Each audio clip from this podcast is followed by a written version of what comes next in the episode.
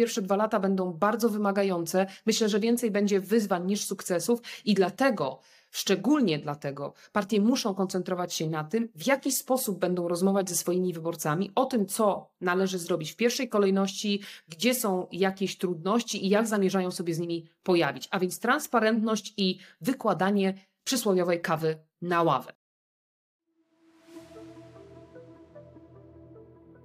Witam Was w krótszej formule mojego podcastu. Brief 460 to około 10-minutowe odcinki, w których wybieram dla Was jedno wydarzenie polityczne tygodnia i omawiam jego konsekwencje. Podcast 460 powstaje dzięki wsparciu patronów na platformie patronite.pl. Chciałabym bardzo podziękować wszystkim moim patronom, a w szczególności Hemar Autobosz Service i Michałowi Szymanderskiemu Pastryk, marketing społecznie zaangażowany. To dzięki Wam powstaje podcast i dzięki Wam mogę myśleć, w jakim kierunku rozwijać tę platformę. Dołączajcie do naszej społeczności na patronite.pl. Tym tygodniu Donald Tusk ogłosił, że wraca do spotkań bezpośrednich z wyborcami.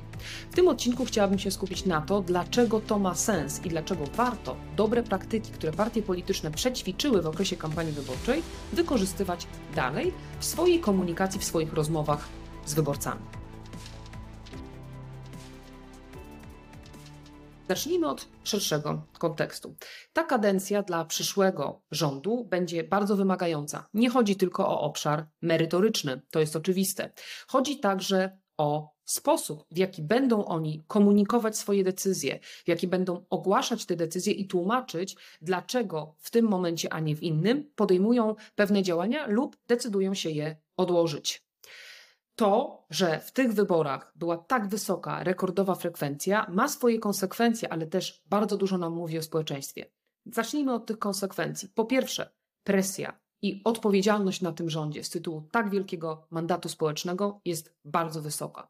Ta wysoka frekwencja pokazała nam też oczekiwania, jakie mają ludzie, a mają znaczące co do zmiany także jakości debaty publicznej i jakości rozmowy z nimi. I wreszcie trzecia rzecz ta frekwencja pokazała, że w ten obszar polityczny wchodzi nowe pokolenie, a nowe pokolenie ma zupełnie inne oczekiwania, jeżeli chodzi o komunikację. Chce wiarygodności i chce poważnego traktowania. To, czy ten rząd adaptuje się, dostosuje się do tych oczekiwań, będzie w dużej mierze decydowało o tym, czy utrzyma poparcie i mobilizację ludzi i przede wszystkim, czy zdobędzie zrozumienie dla swoich decyzji w najbliższych latach. Pewnym wyzwaniem będzie też fakt, że rząd ten tworzy kilku, kilka ugrupowań. Ma to swoją wartość dodaną, więcej ludzi będzie się czuło reprezentowanych, ale tu też czyhają pewne pułapki. Na przykład takie, żeby w tej komunikacji na zewnątrz nie pokazywać tylko i wyłącznie różnic, ale przede wszystkim utrzymać ten koncyliacyjny styl komunikowania. Partie polityczne zdały egzamin, jeśli chodzi o kampanię wyborczą. Pojawiło się tam kilka elementów, które moim zdaniem warto kontynuować także po wyborach, jeśli chodzi o sposób komunikacji z wyborcami. Chciałabym skupić się na chwilę na kilku z tych em, em, praktykach. Po pierwsze, komunikacja bezpośrednia. Uważam, że należy tę formułę utrzymać. Wyszło to w kampanii bardzo dobrze. Wyborcy mają oczekiwania, to znaczy chcą się spotykać z, wyborca, z politykami. Pokazała to nie tylko znakomita frekwencja na tych spotkaniach, ale również pokazały to badania, które także ja współprowadziłam. Ludzie chcą spotykać się z politykami, są zainteresowani spotkaniami bezpośrednimi, chcą z nimi rozmawiać, nawet jeśli te rozmowy nie są głaskaniem się po głowie. Zatem warto to utrzymać. Pytanie zasadnicze: czy da się to zrobić w momencie, kiedy obejmuje się stery i rządzi się państwem? Tak. Dlatego, że partie polityczne, te, które będą tworzyć rząd, mają niektóre znakomicie, a inne coraz lepiej rozwinięte struktury regionalne. Jaki to jest zasób dla partii? Taki oto, że można zaangażować te struktury właśnie w organizację cyklicznych spotkań z przedstawicielami rządu i w taki sposób podtrzym, podtrzym, podtrzymywać można tę ideę spotkań bezpośrednich z kampanii wyborczej. Więc w tym zakresie myślę, że nie będzie jakichś poważniejszych problemów organizacyjnych. Drugi element w kampanii, który był bardzo ciekawy, który moim zdaniem warto utrzymać, to jest właśnie kwestia tłumaczenia dyskusji z wyborcami o tych tematach wymagających trudnych. Wyborcy pokazali, mają na taką formę komunikacji gotowość.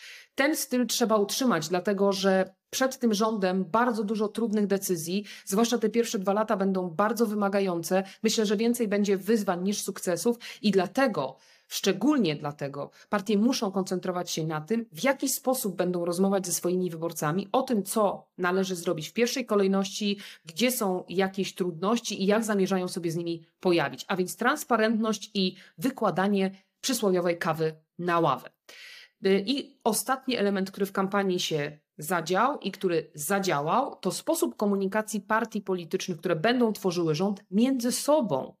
Wyborcy są zmęczeni wieczną walką i kłótnią, trzeba zatem zmienić język polityki i udało się to partiom e, opozycyjnym w kampanii wyborczej i sądzę, że to jest bardzo do, dobra wskazówka, aby utrzymać taki sposób komunikacji między sobą. Załatwiać wszystkie sprawy sporne, które są tak na marginesie dla polityki całkowicie normalne, ale odwykliśmy od myślenia w ten sposób, a więc załatwiamy pewne kwestie za zamkniętymi drzwiami, natomiast do naszych wyborców wychodzimy już z gotowym komunikatem. Wychodzimy z decyzją, którą argumentujemy nie raz, nie na jednej konferencji prasowej, ale każdej podjętej decyzji, moim zdaniem, powinna towarzyszyć bardzo konkretna strategia zakomunikowania tej decyzji, która wychodzi dalej niż na poza szybki briefing sejmowy.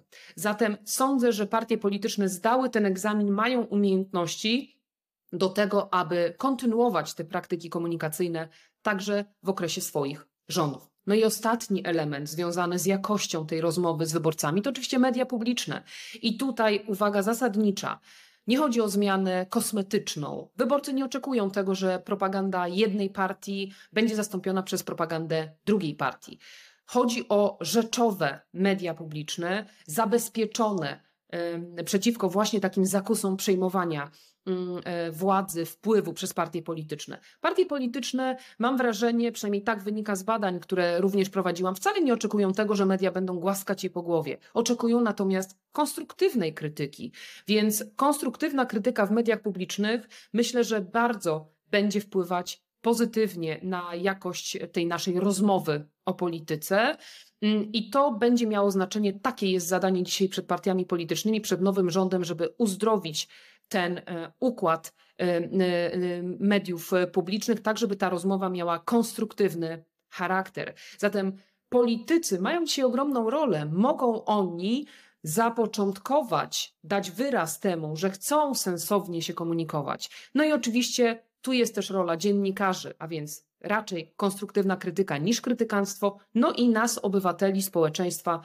Miejmy też swoje oczekiwania do polityków. Oczekujmy jakościowej komunikacji, a myślę, że politycy będą się w swoim interesie do tych oczekiwań dostosowywać. Bardzo dziękuję za Wasz czas dzisiaj. Zachęcam Was już dzisiaj do odsłuchania kolejnej rozmowy z gościem w podcast 460. No i kolejny brief następną sobotę będzie również na Was czekał. Jeśli jeszcze nie odsłuchywaliście mojej rozmowy z Adamem Jaserem, bardzo Wam rekomenduję i polecam tę rozmowę. Tam trochę szerzej omawiamy e, zjawiska związane z tym, jak rządy komunikują się ze swoimi wyborcami, na przykładzie rządu Platformy Obywatelskiej i PSL-u. Warto wracać do tamtego czasu i wyciągać z niego wnioski, zatem zachęcam Was do odsłuchania tej rozmowy.